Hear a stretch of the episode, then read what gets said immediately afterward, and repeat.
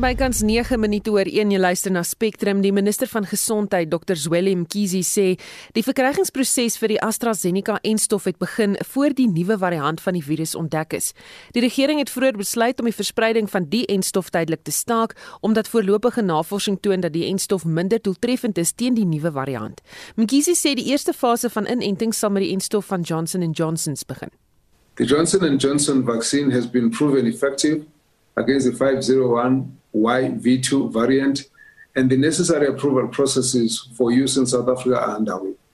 The rollout of the vaccination will proceed in the form of an implementation study with a partnership between the Medical Research Council and the National Department of Health vaccination sites across the country. Mkhize sê 'n komplekse ooreenkoms word met Johnson & Johnson gefinaliseer we uh, have a, a, price for the orders that we're putting through to them. They will then be explaining all the details in terms of uh, how much of that, because the amounts that will be coming through in the next week will not be a lot of uh, vaccines, but uh, in comparison to the whole total that would have ordered.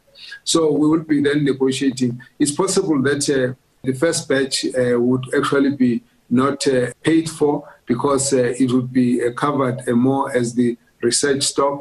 Hy sê Espen Pharmacare sal die Johnson & Johnson instof in Suid-Afrika vervaardig. But just for purposes of the public to say the impression I have is that they will have uh, their first batch manufactured around March. There's a, a period of about a month that they've got to hold any stock that's fully manufactured to wait until the end of the month. This probably means that it must start be available in uh, April. Hy sê die regering oorweeg dit om die AstraZeneca enstof uit te ruil. There are already some countries who are asking that we must sell it to them. All we can say to our public is that um, we will not waste the money. We will either you know swap the vaccine and get a different vaccine or get a fresh batch if they, we're going to be using it. But uh, if there's studies that's going to need it, we'll also use it there. So at the moment, we all just want to say that uh, we wait for the experts to give us advice and uh, there will not be any money wasted on that I can assure you. Mkhize sê nog enstofdosisse sal ook van ander vervaardigers verkry word en onderhandelinge duur voort. In addition, the country has also secured the doses from Pfizer for phase 1 rollout so they'll be brought forward earlier than originally planned. Uh, that's been through our negotiation. But also our scientists are continuing to evaluate other candidates and we are simultaneously engaging manufacturers. We are in advanced stages in evaluating and engaging the manufacturers of the Sputnik V candidate. Uh, we have correspondence and discussions in terms of what they are suggesting needs to be done. Engagements with Sinopharm also continue, with already an offer which has been made by China of uh, some vaccines, which is being considered. And in this regard, a non disclosure agreement has been signed and the ratification of processes in SAPRA is in progress. Similarly, our engagements with Moderna are ongoing and we'll make further announcement as we always do when we are in position to do so. Hy sê mediese fondse sal vir die inentings van hul lede betaal. You will go and get yourself in vaccinated, but we will have asked you if you are under medical aid. If the answer is yes, we'll charge you medical aid because medical aids have now been allowed to pay for the vaccine. We will charge them for the vaccine. And then you will get the vaccine. You don't have to pay any money.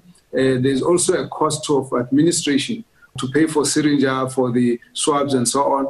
All of that will be combined for those who are in medical aid. But having said so, if you don't have medical aid, you will still be vaccinated, but government will carry the cost of that vaccination. Dit was die minister van gesondheid, Dr. Zwelim Kize, Jean Estreisen, SAICanis. Die Sonderkommissie na Staatskaping het die afgelope ruk getuienis aangehoor wat verband hou met parlementêre oorsig. Daar is gekyk na tot watter mate politieke partye en parlementslede beskerm sou kon word indien hulle dinge soos korrupsie en wanadministrasie in die party sou ontbloot. Dit nadat verskeie getuies getuig het hulle is gedreig indien hulle teen die ANC sou opstaan.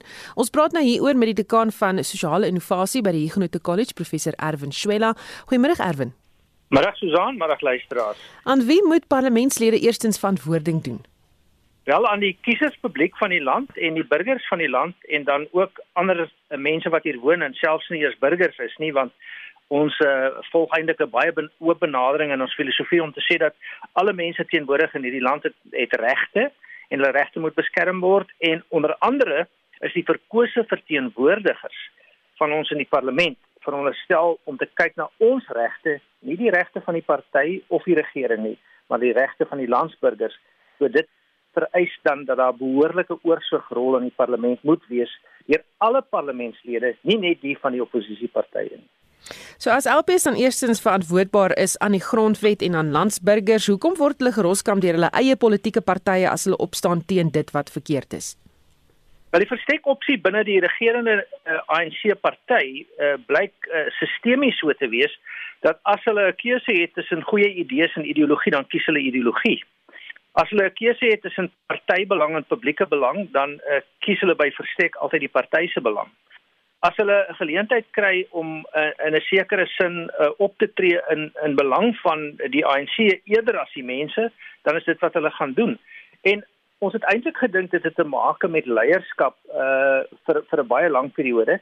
Toenemend is daar aanduidings dat dat dit dat leierskap nie eintlik hierdie tendense omgedraai kry nie dat ehm um, selfs met 'n veranderde leierskap in die in die geval president Ramaphosa na president Zuma is die samestelling van die ANC net so ideologies institusioneel en hoe hulle dinge doen dat hulle altyd hierdie verstek opsies kies.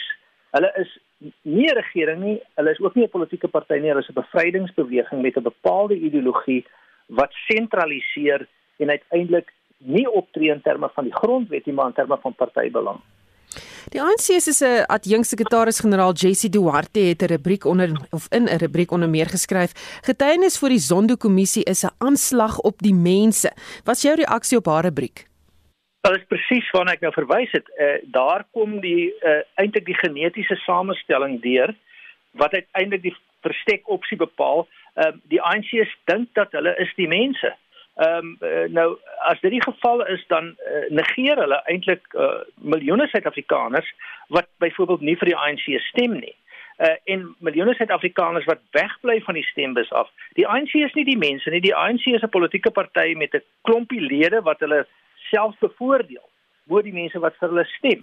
So hulle is verseker nie die mense nie. Die grondwet bepaal dat we the people shall govern ehm um, hulle regeer eintlik nie eers namens die mense nie. Hulle regeer namens 'n uh, 'n relatief klein elite wat gewoond geraak het daaraan om eintlik bevoordeel te word teen teenoor alle ander uh, lede van die publiek en die burgery. Nou kom ons luister wat die mede-professor in openbare reg aan die Universiteit van Kaapstad, professor Richard Calland, wat gister voor die Sonderkommissie getuig het, sy reaksie was op Duarte se rubriek. But in general, I thought it was a terrible piece because it, it so misrepresents the debate that was being held with Justice Sondo by a range of witnesses, including myself uh, yesterday. And I think it, it tends to sort of bring a sledgehammer to bear on the problem. And I think it shows her own political instincts and perhaps the political instincts of her party, which really is quite comfortable with the centralism and the control and power that the current system gives to party bosses. The one point she makes, which I think is, is valid, is when she says that uh, MPs should be expected to follow the party line when it comes to executing the party's manifesto. So you, you vote for a party at election time on the basis of the promises or the commitments they make in their electoral manifesto, and then you expect that party to deliver on that. And if MPs start behaving in a maverick fashion, refusing to, to stick to that policy manifesto, then yes, they must suffer the consequences. But that is not what we're talking about here, and that's why her ask is so disingenuous. What we're talking about is where the executive is failing, when it is failing to execute that policy, when it is guilty and culpable of maladministration, incompetence, dishonesty, corruption, or indeed state capture. So wat's jou reaksie op wat professor Callan sê? Ek dink hy het dit uh, baie goed gestel en is uh, tot 'n baie groot mate in die kol. Uh, die effense toegewing wat hy maak is uh, ook geldig en dit is om te sê dat natuurlik as jy in 'n party is, is daar partydissipline en jy moet die party se se se manifeste, hulle hulle beleidsriglyne ehm um, dan volg.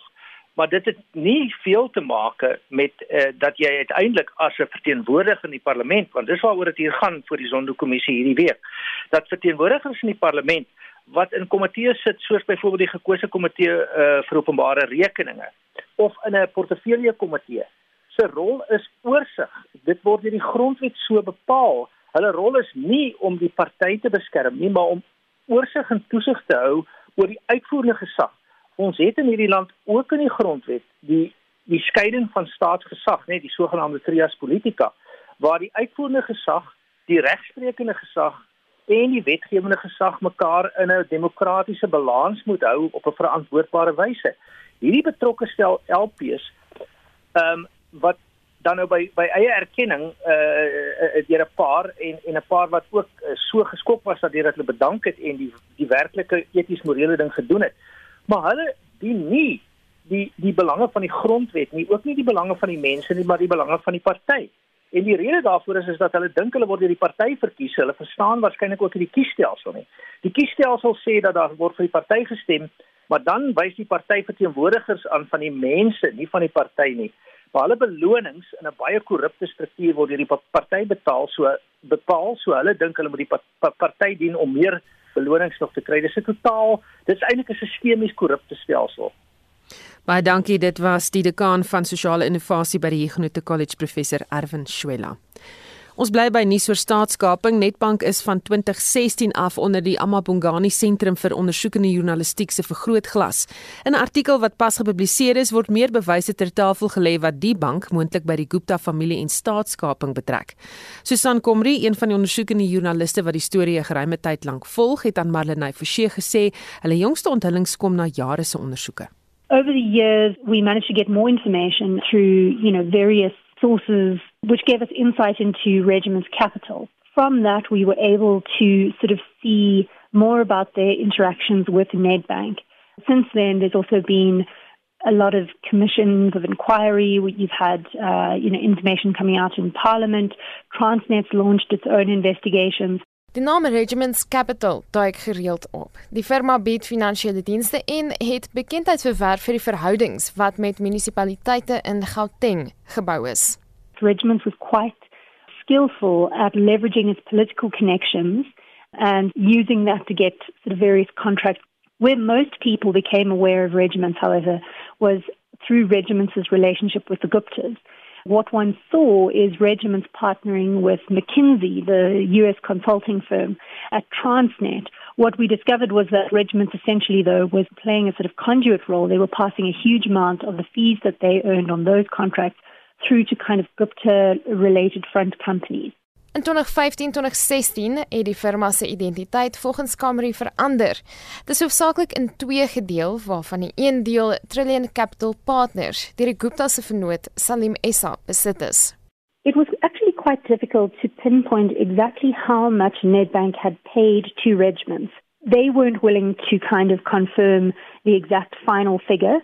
So we had various bits of information that we could rely on. One was a spreadsheet which Nedbank had put together in 2013, which was showing payments that had been made in the past arrangements, as well as payments that were due to be made in future, some of them running right up until 2029. And that spreadsheet got to a figure of around 95 million rand.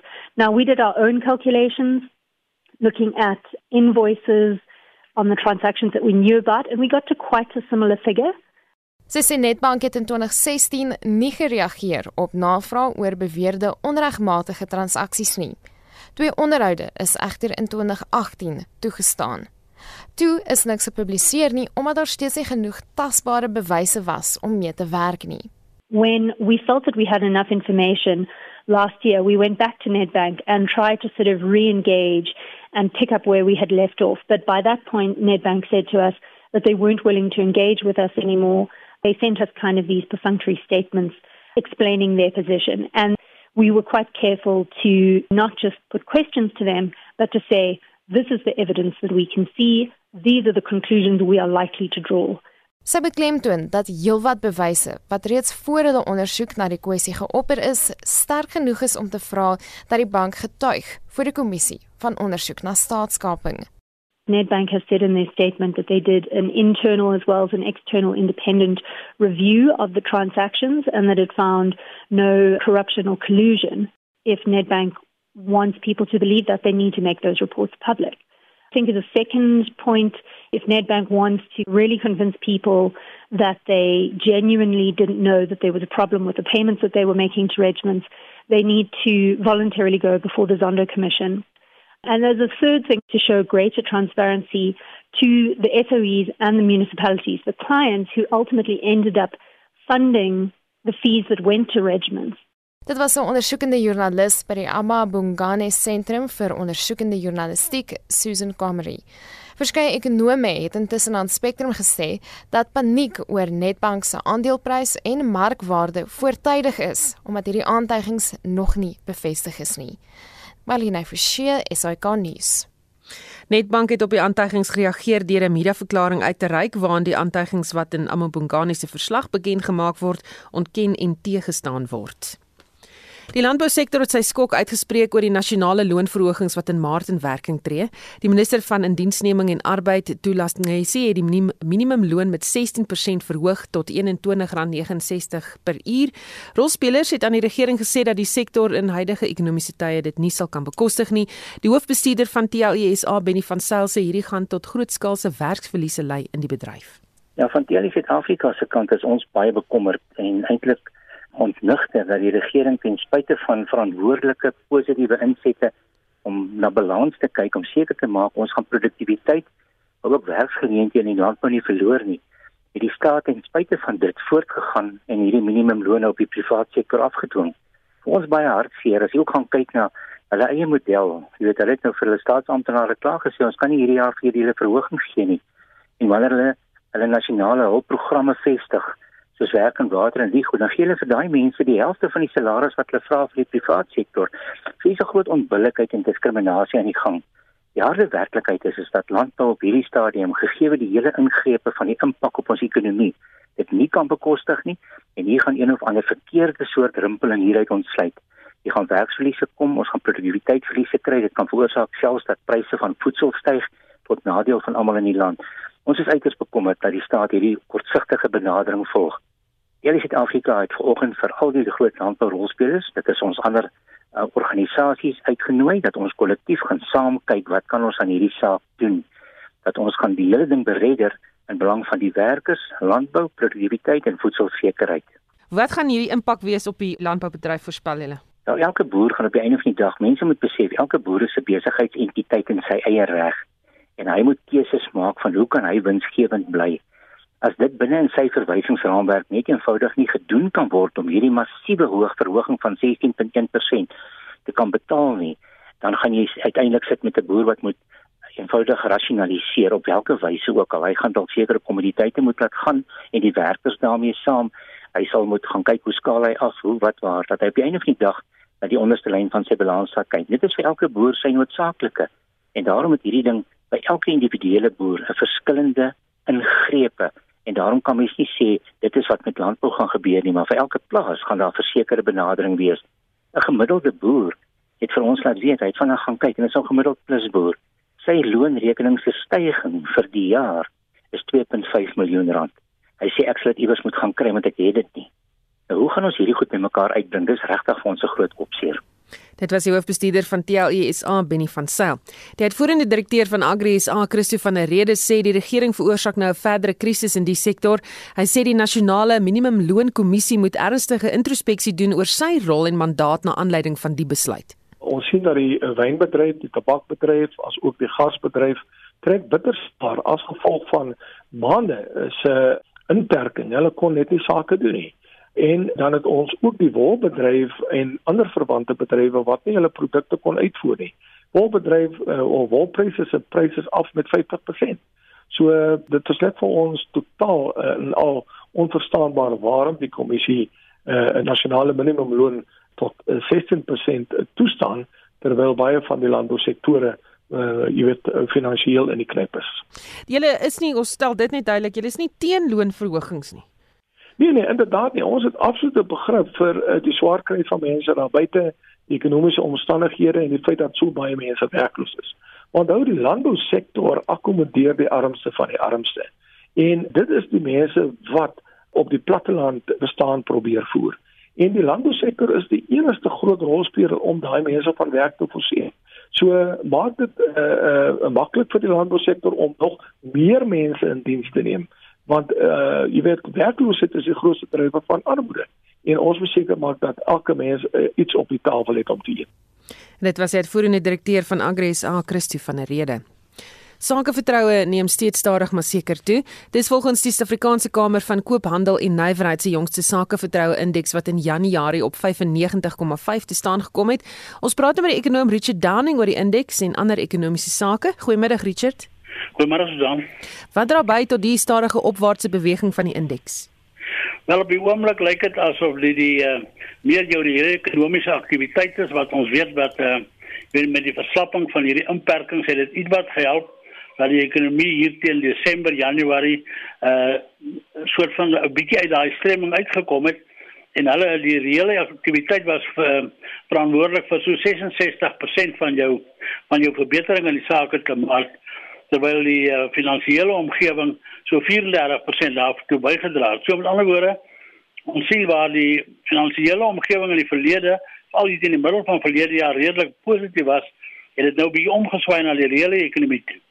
Maar ek moet net byvoeg in Desember het die indeks met 0.9 indekspunte gestyg en dis in Januarie met 0.2 indekspunte maand op maand wat maar 'n karige stygings is en eintlik is dit iets wat van 'n bekommernis dat die tempo redelik afneem soos 'n mens kan sien en veral as jy ou jaar op jaar kyk dan is dit nog al redelik baie uh, dan is die indeks nog alhoewel dit 'n bietjie op is op Januarie 21 is dit 'n redelike van 'n swak basis waar die sakevertroue nou staan. So gat nie iets om vreeslik trots te wees nie, maar nogtans ons kan daarom dit sê dat dit nie verder gedaal het nie. Hmm. Wat se rol het laer inflasiekoerse gespeel? Wel dit was redelik ehm, 'n um, positiewe effek geweest.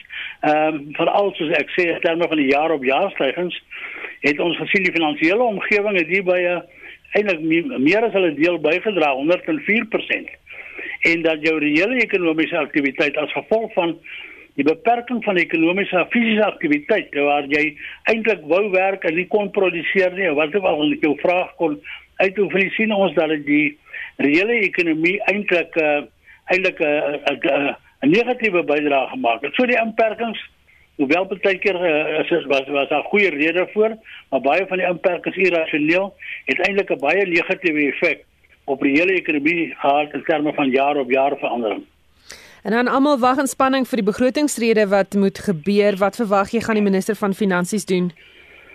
Wel ek ek ek weet wat hy behoort te doen, maar uh, of hy dit gaan doen is 'n ander vraagstuk want ons weet hier is te veel politieke geraas in die omgewing en ook vanaf arbeid en soos ons nou weer gehoor het wat in landbou aan die gang is.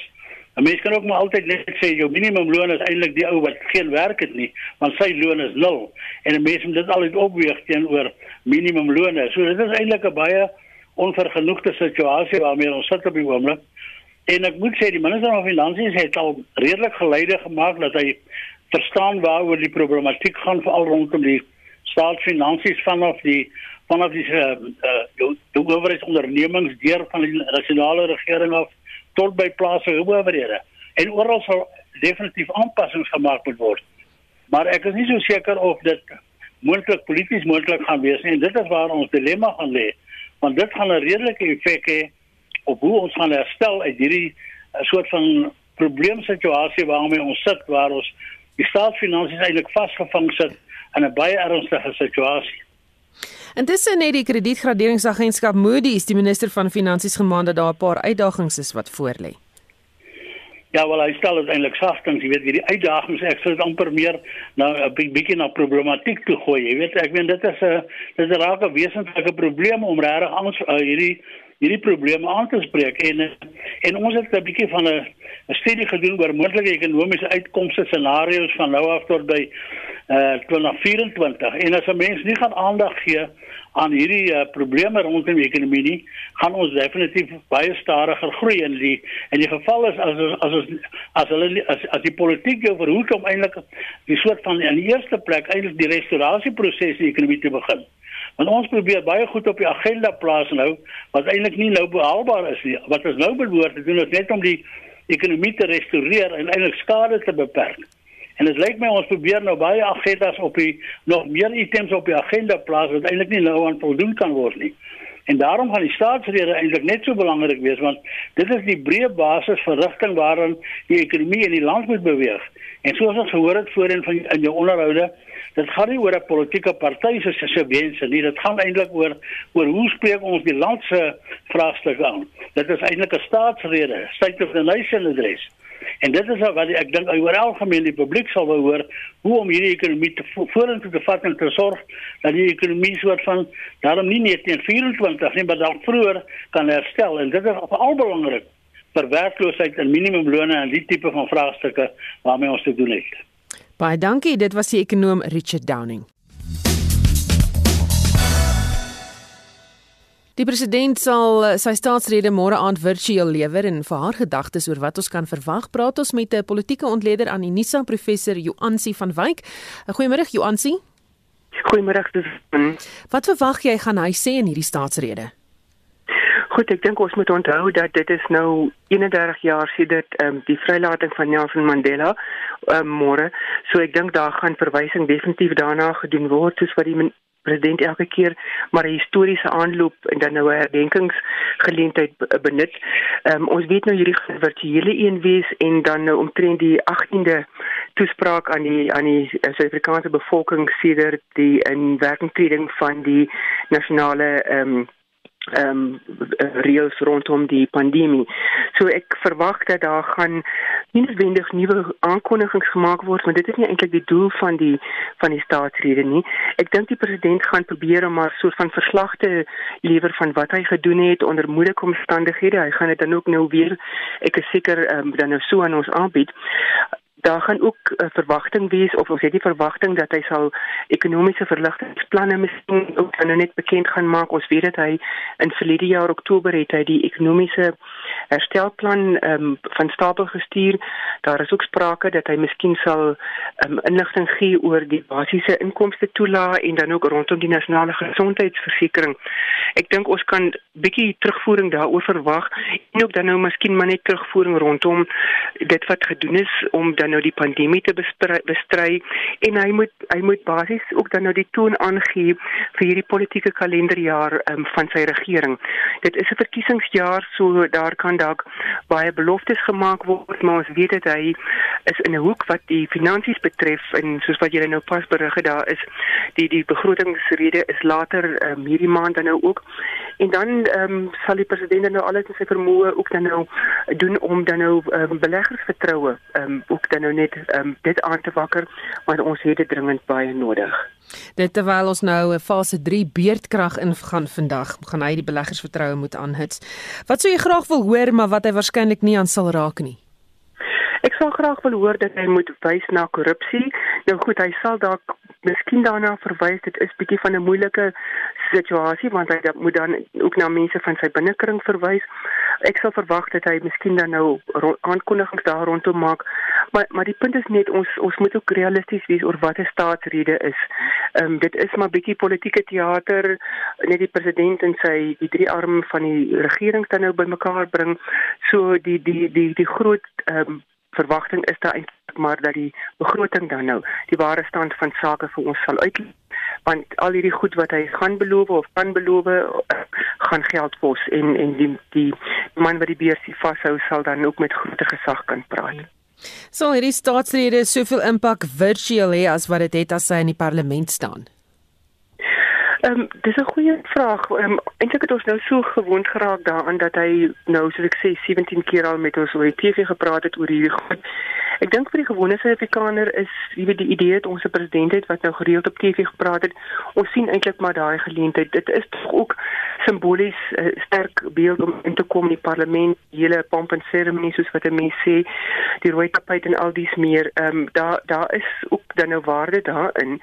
Maar ons weet dit is nou ander tye en ek is ek is um, seker dat daar ook dan nou 'n soort van 'n kompensasie daarvoor gedoen kan word. En jy sien alreeds die openbare inligtingveldtogte wat die regering het rondom die syfers van wat hulle gedoen het die afgelope jaar, die goed wat gerealiseer het, maar dan is daar altyd maar soort van 'n voetnota van onthou ons 'n pandemie gehad wat ons moes mee beveg het en so aan. So daar sal so 'n bietjie van terugvoering gegee word, maar ek dink die die impak is Suid-Afrikaners wil wil hoop hê.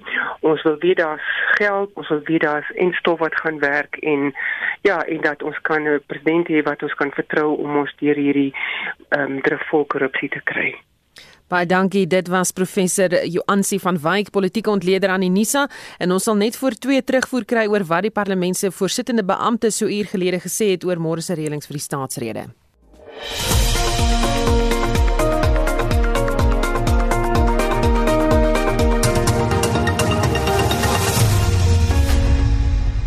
So 1342 Shaun Jooste die sporthoogtepunte. Ons laan af met tennisnuus. In die tweede ronde van die Australiese Ope in Melbourne in die mansafdeling het die wêreld se voorste speler Novak Djokovic van Servië in vier stelle teen die Amerikaner Francis Tiafoe en die 11de gekeerde Denis Shapovalov van Kanada in drie stelle teen die plaaslike Benoit Tomic gewen. In die vroue afdeling het die nommer 10 van Amerika Serena Williams in twee stelle met Nina Stojanovic van Servië en die derde gekeerde Naomi Osaka van Japan ook in twee stelle met Caroline Garcia van Frankryk afgereken. Venus Williams is weer deur die Italianer Sara Errani en die Tsjech en nommer 9 Petra Kvitova deur Serena Sirstia van Roemenië uitgeskakel. Sokker. Vanaand in die 5de ronde van die FA beker toernooi in Engeland speel Swansea City half 8 teen Manchester City, Sheffield United half 10 teen Bristol City en Leicester City ook half 10 teen Brighton and Hove Albion. Die wedstryd word regstreeks op SABC3 uitgesaai en Everton met kwart oor 10 teen Tottenham Hotspur kragte en die aksie kan op SABC1 gevolg word. In laastens die Hollywood sterre Ryan Reynolds en Rob McElhenney is die nuwe eienaars van die Walliese klub Wrexham nadat hulle aanbod van 2 miljoen pond aanvaar en goedgekeur is. Die akteur sal fondse beskikbaar stel om die hoof- en vrouespanne te verbeter en wil die gemeenskap ophef. Wrexham is heidaglik sewende in die Engelse nasionale liga. Dit was ons sportkorrespondent Shaun Jooste.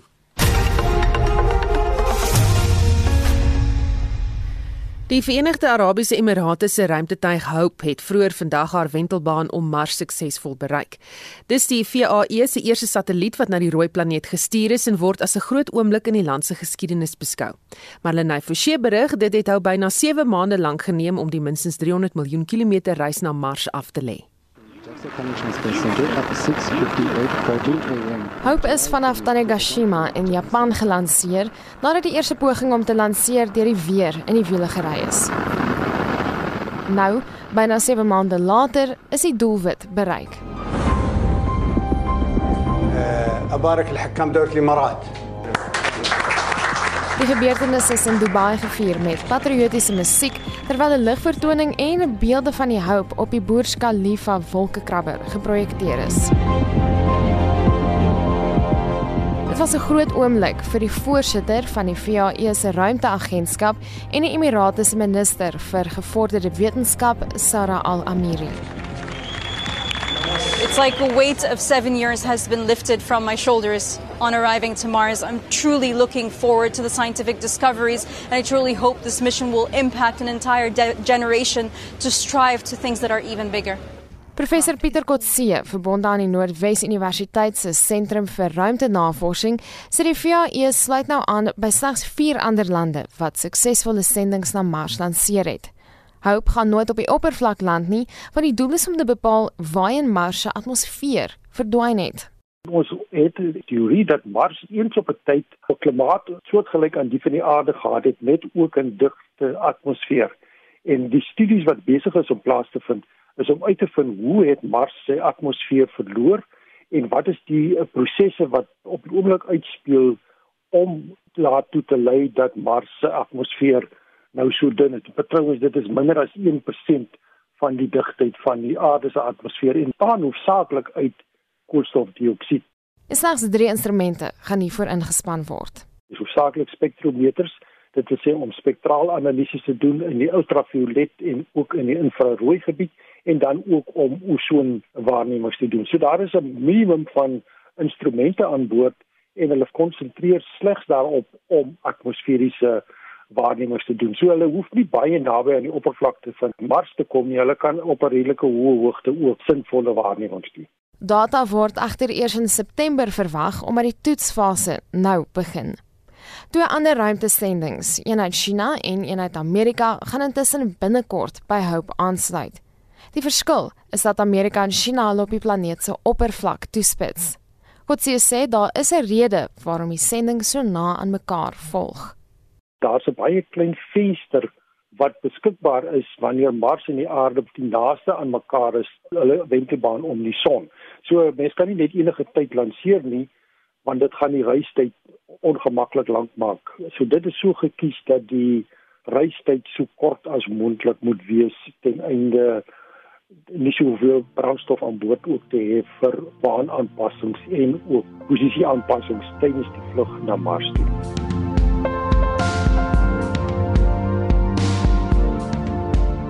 Die langtermyndoel is om mense na Mars te stuur, waar die venstertydperk veral belangrik gaan wees. Intussen word dit deesdae al hoe besigger om die rooi planeet. Daar is geen geskrewe wette of iets wat voorskrifte maak in terme van wie waar in Mars mag opereer of sendinge uitvoer. Wat hulle wel doen, hulle koördineer onder mekaar om te sien dat hulle dan net op verskillende hoogtes 'n satelliet om 'n wentelbaan sit sodat daar dan nie botsings plaasvind tydens so 'n omwenteling van 'n satelliet om Mars self nie kan van so laag as 100 km oor die oppervlakte kom en dit kan ook te hoog soos so amper 40000 km wees. So daar is uit die aard van die saak omdat daar nie so druk verkeer is soos wat byvoorbeeld om die aarde is nie, is die kans vir 'n botsing tussen satelliete uiters gering. Dit was professor Pieter Kotse verbond aan die Noordwes Universiteit se sentrum vir ruimtenavorsing. Marlene Forsie is ikonies.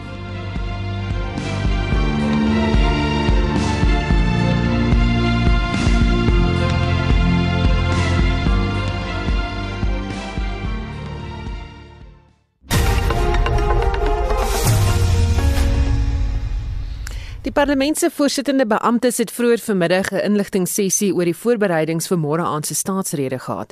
Ons parlementêre verslaggewer, Zelin Merrington, het die sessie bygewoon en ons praat nou met haar. Goeiemôre Zelin. Goeiemiddag Susan. Hoe verskil vanjaar se staatsrede van vorige jare omdat COVID-19 maatreëls ingestel moet word? Dit gaan na verwagting baie stiller wees as uh, vorige jare Susan. Dit gaan eintlik 'n baie bedaarde ehm um, uh, affære wees as dit nou die regte woord is baie subdued. Ehm um, en dit is nou soos jy sê as gevolg van uh, die uh, COVID-19 pandemie. Daar is omtrent geen joligheid nie, daar's geen rooi tapuit met mense wat hulle uh, modes afwys nie. Daar's geen orkes van die vloot wat gaan uh, musiek speel gedurende die dag nie. Daar's geen verbyvlug van die lugmag nie. Daar is ook nie die gewone 21 ehm um, geweer saluut deur die uh, weermag nie. So dat is omtrent een prag en praal aan hierdie ehm um, ehm um, staatsrede gekoppel nie. Die uh speaker van die nasionale raad Tandi Modise het gesê dit sal net nie reg wees in die lig daarvan dat so baie mense hulle lewens verloor het aan die pandemie nie dat hulle nou um, net voortgaan soos uh, vorige jare nie en daarom gaan die uh, die president Cyril Ramaphosa en die voorsittende beamptes gaan net voordat hy um, by die nasionale vergadering instap gaan hulle 'n paar kersse um, aansteek vir diegene wat hulle lewens verloor het as gevolg van uh, uh, COVID-19 um, en ook uh, jy weet in simpatie vir diegene wat um, hulle familielede verloor het. Hoe vorder die voorbereidings dan? Ek was vroeër um, toevallig op kantoor om akkreditasie te gaan doen uh, wat wat ons almal moet doen as jy die dag van die staatsrede op die perseel gaan wees en weet jy dit gelyk soos enige ander dag. Ehm um, gewoonlik die dag van die staatsrede is dit 'n gewemel van mense hulle is besig om die pers, om die ehm um, uh om dit mooi te maak en natuurlik is daar verskeie media huise wat uh, lewendig daar uitsaai en daar word groot skerms opgesit en so. En vandag was dit iets heeltemal anders. Daar is geen aanduiding dat môre 'n uh, 'n baie belangrike 'n dag is in die parlementêre kalender nie. Ehm um, en ek kan ook net dalk byvoeg dat ten spyte daarvan dat dit op die perseel omtrent lyk soos enige gewone dag, het die voorsittende beampte gesê buite die perseel gaan sekuriteit nog steeds streng wees en daar gaan nog steeds ehm um, van die strate rondom die parlement gaan nog steeds gesluit wees en dit klink nogal absurd omdat dit uh, jy weet so 'n uh, 'n uh, bedaarde affære gaan wees omdat daar geen van die gewone ehm um, aksie daar rondom is en 'n uh, beweging van mense nie. Maar Tani Modise het ook gesê ehm um, sy het net te sê oor wat op die parlementêre perseel ehm um, gebeur en sy vermoed dat eh, ehm uh, um, die ehm um, die strate wat gesluit gaan wees kan moontlik wees as gevolg van ehm um, mense wat uh, soos gewoonlik in die verlede ook ehm um, optogte hou na die parlement en sy het voorgenem dat hulle die voorsittende beamptes sal uitvind by die verskeie sekuriteits ehm um, uh, groeperings se ministers om te hoor hoekom het hulle dit nodig geag om nog steeds soveel van die paaie en die strate rondom die parlement ja. te sluit vir môre. Hoeveel geld het die parlement aan die staatsrede bestee? Tannie Modise sê op die stadium lyk dit asof dit net meer as 100 000 rand gaan wees en sy sê dat ehm um, gaan spandeer word aan die ehm um, om mense op virtuele platforms um, te konnekteer en dit is nou die LPS en gaste wat nie in die nasionale vergadering gaan wees nie. Ehm um, dit uh, daar hulle gaan net 50 mense daar toelaat insluitend die president, die adjunkt president. Ehm um, so daar gaan ehm um, uitgesoekte paar van die uh, politieke partye se verteenwoordigers wees. Daar gaan net iets soos uh, ek dink sewe joernaliste daar wees en dan die ander gaan gaste wees so omtrent ja, daar's 50 mense binne waarvan 30 LPs gaan wees. Die res gaan almal virtuele op, op virtuele platforms volg en dit is onder andere het sy het hulle gesê uh, die voormalige president Thabo Mbeki, die voormalige speaker Baleka Mbete, hulle het bevestig dat hulle dit um, op 'n webinar sal volg môre. Baie dankie. Dit was ons parlementêre verslaggewer Zelin Merrington en die staatsrede word môre aand regstreeks vanaf 7uur op RSG uitgesaai. Die Trust vir Bedreigde Natuurlewe het 'n projek geloods om soveel moontlik data in te samel van die bedreigde oeverkonyn. 'n Senior veldnavorser, Esther Matthews, sê die konyn word maklik verwar met ander spesies en daarom vra hulle vir ou en nuwe foto's van enige konyn wat jy sou teekom. So ons werk nou al 'n paar jaar op die oeverkonyn projek en die bewaring van die oeverkonyn in die Karoo. En ons het besluit om 'n veldtog te begin om vir mense van die publiek te vra om enige foto's van hase en konyne veral in die Wes-Kaap, Oos-Kaap en Noord-Kaap vir ons in te stuur sodat ons die database vir al die spesies half kan opdateer en die verspreiding van die spesies. Ons hoop ook dat in die proses dat mense dalk oeverkonyn foto's vir ons sal instuur wat hulle dalk gedink het is een van die ander ras spesies. So dis eintlik 'n manier vir ons om te kyk of ons nuwe verspreiding van die spesies kan kry. Maar ons hoop aangesien baie van die boere ook van die strikkameras in hulle veld het om na die diere op hulle plase te kyk dat hulle dalk per ongeluk hier en daar 'n paar van die hase en konyne ook op kamera kry sover moet ek sê daar's redelik baie belangstelling en ons is nogal in ons skik met hoeveel foto's ons al reeds ontvang het. Hoe bedreig is hierdie konyn? So die oeverkonyn is 'n krities bedreigde spesies. Die hoeveelheid van die konyne wat oor is is onbekend op die stadium en hulle kom sover ons weet net in 3 areas voor.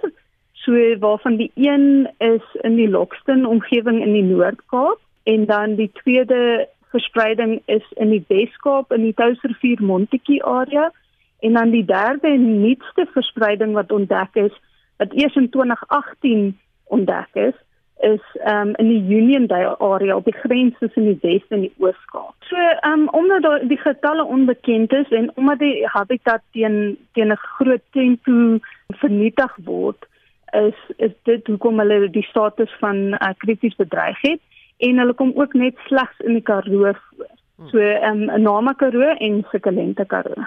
Goed, so julle is net op soek na foto's en besonderhede van hierdie een tipe konyn of is daar verskillende spesies van hom? Nee, op op die stadium soek ons alle hase en konyne sodat ons ook kan kyk waar die die spesies waar hulle saam voorkom. Mhm. Ehm um, so daarom het ons gevra vir enige hase en konyn foto's, maar dit is nie onalgemeen vir uh, mense om die oeverkonyn te verwar met of die klipkonyn of een van die haarspesies nie, want daar is ooreenkomste in hoe hulle voorkom. So kenmerke wat soortgelyk is, maar tog het die oeverkonyn sy unieke kenmerke ook. So ja, ons wil graag al die foto's hê van van alle hase en konyne, maar ons hoop dat ons ook 'n uh, paar oeverkonyne in die in versameling kan kry. Goed, so wat presies moet mense doen as hulle aan hierdie projek wil deelneem en is dit net vir 'n sekere gebied? Ja, so ons um, ons wil graag fokus op die Wes-Kaap, Oos-Kaap en Noord-Kaap. Um maar ons ons vat ook foto's van van reg oor die land en hoe eh, die mense van die publiek kan deelneem is deur net hulle foto's en dan ook verkieslik die GPS koördinate, maar andersins net die naam van die die area waar hulle die foto geneem het, kan stuur na my e-pos toe esther@ewt.org.za. Dis E S T H E R N @ewt.org.za. En dit was 'n senior veldnavorser van die Trust vir bedreigde, natuurlewe Esther Matthew. Net weer haar e-pos, dis estherm@ewt.org.za.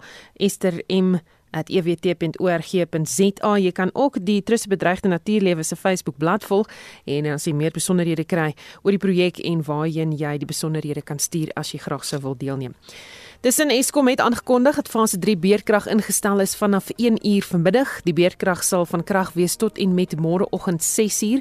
Die kragvoorsiener voer aan dit is as gevolg van sommige van die eenhede wat onverwags afgegaan het en dat hy steeds sy noodreserwes probeer opbou. Eskom waarsku verder dat die stelsel onstabiel is en dat die beerkrag donderdag kan voortgaan. En net voor ons groet nog verkeersnuus. Ek sien dat uh, daar staan 'n voertuig op die N2 Noord net na die Higginson deurpad in die linkerbaan en hier in Gauteng staan 'n voertuig op die N12 Oos net na Kliprivier Rylaan in die linkerbaan en uh, dit maak die verkeer baie stadig daar. Ons groet namens ons waarnemende uitvoerende regisseur Wessel Pretorius, die redakteur Justin Kennerly en produksieregisseur Daitrin Godfrey. Dankie dat jy saamgeluister het. My naam is Susan Paxton.